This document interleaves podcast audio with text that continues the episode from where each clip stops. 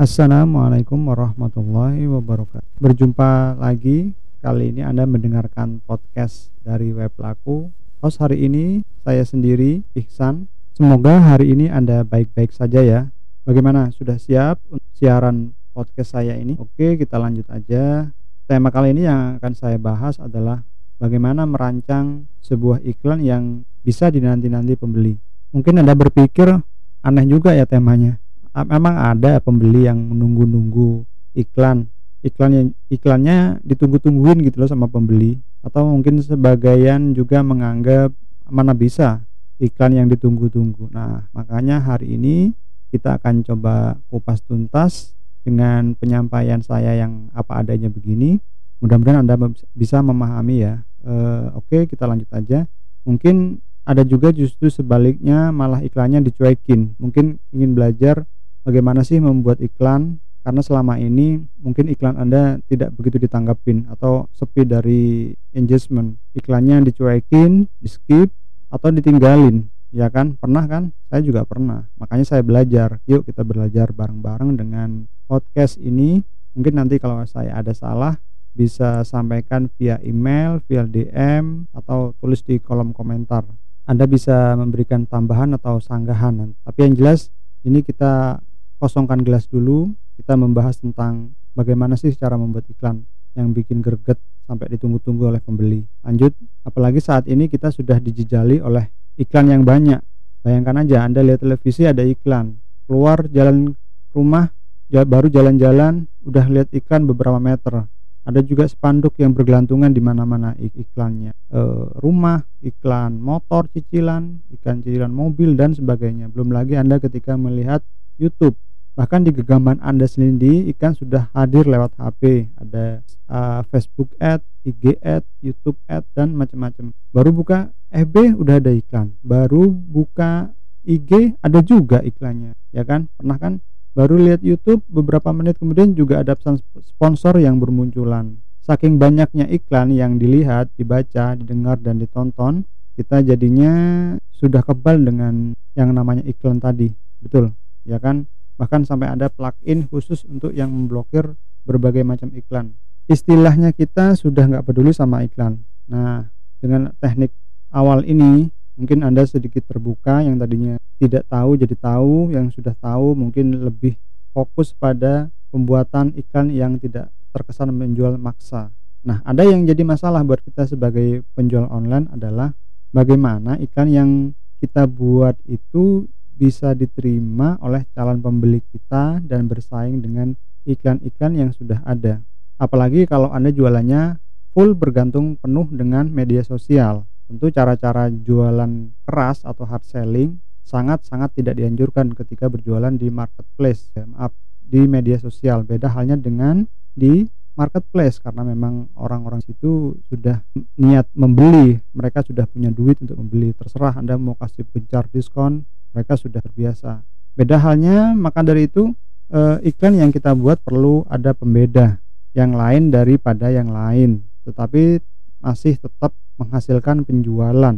Ini yang jadi tujuan utama kita penjualan. Orang memindahkan uang dari dompetnya ke dompet kita. Nah bagaimana caranya mas? Nah caranya adalah kita perlu merancang iklannya kalau kita tidak merancangkan e, kesuksesan sama aja kita merancang kegagalan. Caranya adalah iklannya kita harus benerin dulu.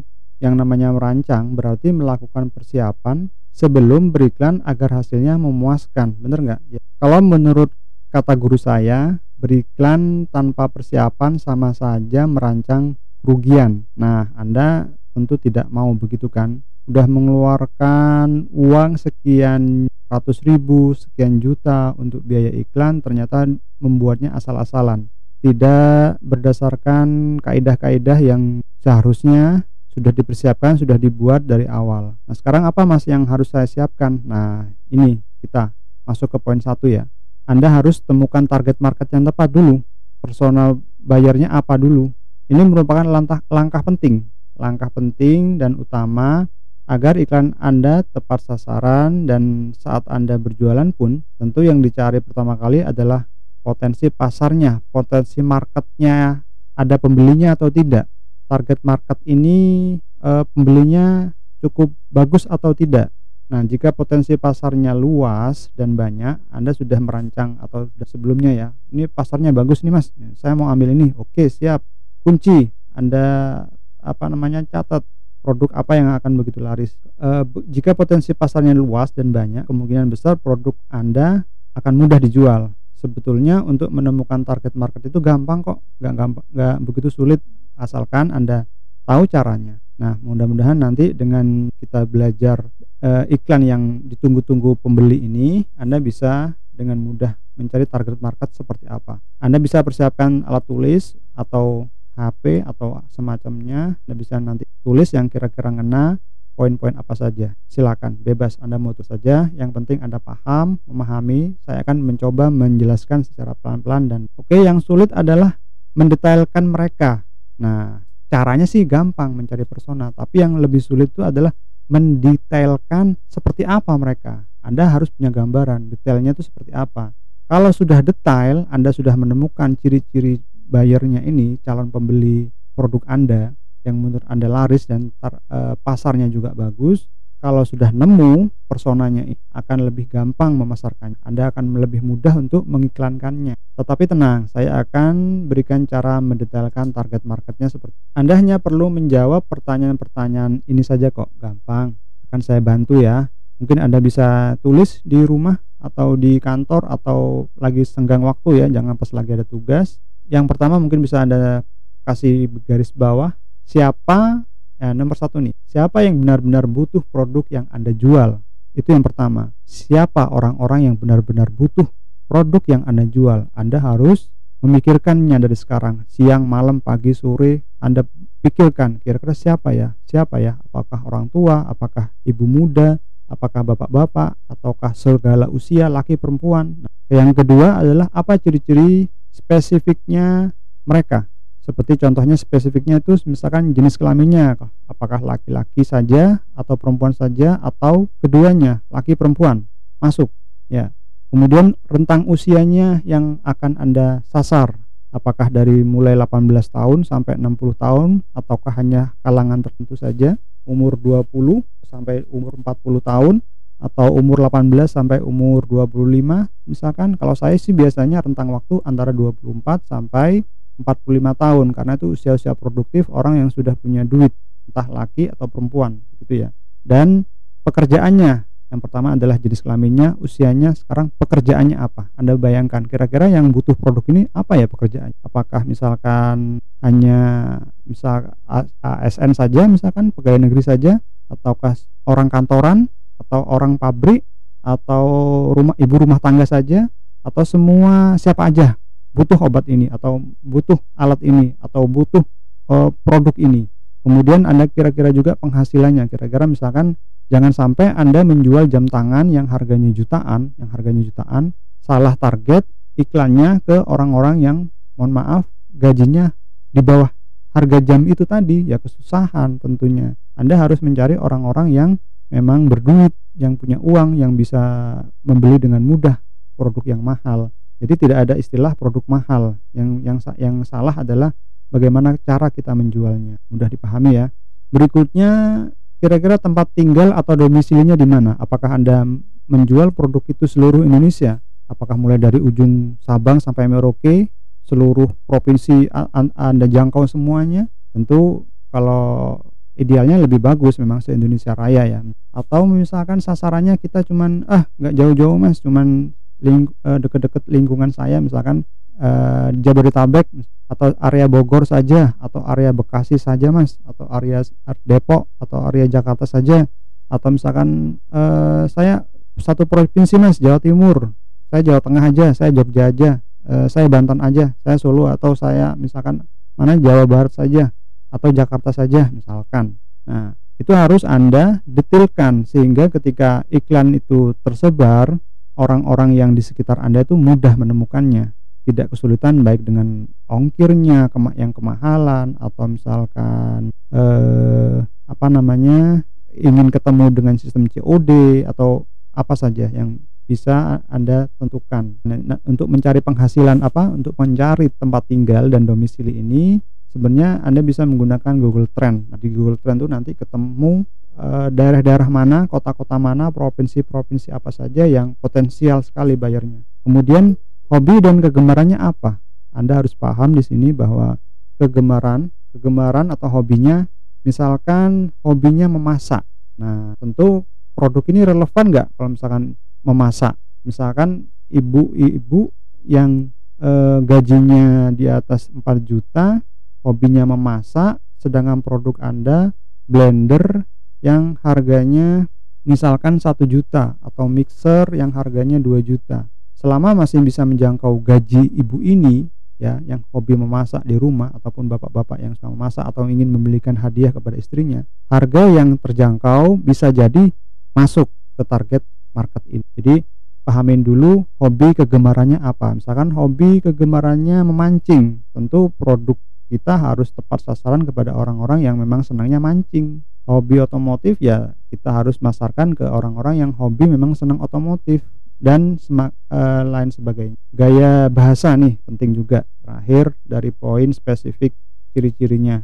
Gaya bahasa yang dipakai itu seperti apa. Nah, jangan sampai salah kita memasarkan dengan bahasa gaul, dengan bahasa prokem kasarannya ya, bahasa kasar tidak sopan dikiranya sasaran itu target marketnya anak muda semua. Padahal kalau melihat dari umurnya misalkan kita menjual taruhlah uh, apa ya misalkan kaos nih kaos kaos atau jaket yang begitu gaul tentang usianya misalkan antara 18 sampai 20 tahun atau 24 tahun target marketnya ya Anda menggunakan bahasa yang formal. Bisa aja sih aja. Cuman di kalangan mereka yang membaca kurang kena. Nah, beda halnya kalau Anda misalkan menggunakan bahasa mereka, bahasa gaul, bahasa kekinian. Nah, gokil nih, e, kaos ini keren, gokil nih. Ketika saya dipakai adem misalkan, ah apalah misalkan contohnya yang bahasa-bahasa keren. Nah, begitu juga dengan bahasa-bahasa yang iklan e, untuk usia-usia yang di atas umur kita. Kita harus menggunakan bahasa-bahasa yang formal mungkin. Anda, e, kami, saya, terus kita dengan bahasa jangan sampai kita mengiklankan dengan bahasa low atau bahasa-bahasa kata yang kasar. Nah, berikutnya poin yang ketiga setelah spesifik ciri-cirinya apa, siapa saja yang butuh produknya ini. Kemudian yang ketiga bisa Anda rinci lagi, bisa Anda tulis masalah yang dihadapinya apa, ketakutannya apa, atau kekhawatirannya yang di, ingin di, mereka hindari. Nah, Anda harus memahami masalah apa yang mereka miliki dan produk Anda sebagai solusinya. Kira-kira produk bisa menyelesaikan masalah. Misalkan Anda menjual produk diet, kira-kira orang yang ingin diet masalahnya apa? Ketakutannya apa? Mereka punya khawatir apa? Anda harus temukan kliknya. Begitu ketemu, Anda bisa dengan mudah menuliskan iklan-iklan tanpa tanpa repot lagi. Yang poin keempat, Anda harus tahu apa saja harapan, impian, keinginannya mereka apa yang ingin diwujudkan dari hasil dari membeli produk Anda gitu ya. Jadi harapan-harapan itu harus Anda munculkan. Misalkan ingin tampan ingin langsing ingin kuat ingin bersih rumahnya ingin masakannya enak atau bajunya ingin bagus beda sendiri dan lain sebagainya. Yang kelima mereka biasanya kumpul di media sosial media sosial apa? Apa itu? YouTube Facebook biasanya atau di Twitter atau di Instagram. Anda harus cari di grup-grup apa di komunitas apa terus kemudian siapa public figurnya yang mereka suka. Kalau misalkan tentang bisnis mungkin Ibu Santosa atau mungkin Dewa Eka atau mungkin eh, siapa namanya? Boswi Mardigu ya. Bosman Bosman ya anda harus kejar orang-orang yang seperti itu kumpulnya di situ biasanya. Anda bisa mencari orang-orang yang biasa aktif komentar, like di akun-akun public figure tersebut. Misalkan Mary Riana atau misalkan Chandra Putra Negara atau misalkan Christina Lee dan sebagainya ya. Anda bisa tentukan siapa orang-orang yang butuh ini biasanya kumpulnya mereka di mana. Kejar. Yang keenam, mungkin perlu Anda bawahi. Poin keenam ini bisa jadi opsional tapi sangat penting yaitu apa? Media pesan apa yang biasa mereka gunakan. Nah sebenarnya penting atau nggak penting yang jelas ini adalah ladang basah ladang bagus.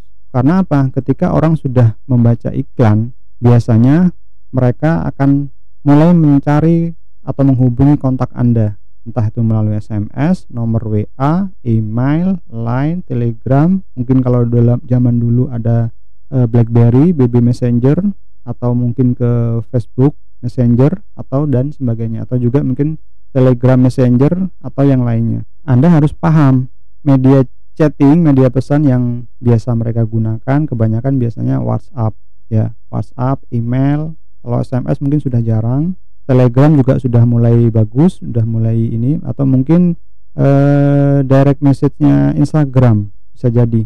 Jadi silakan Anda jawab semua pertanyaan-pertanyaan saya di atas, pertanyaan-pertanyaan tersebut ya, agar bisa menemukan target market yang tepat. Anda pikirkan sekarang setelah mendengarkan podcast saya, setelah mendengarkan siaran ini, Anda langsung tulis tadi yang poin-poin dan temukan jawabannya ya dengan mengetahui detail market secara spesifik secara rinci semakin rinci semakin bagus tapi tidak terlalu jelimet.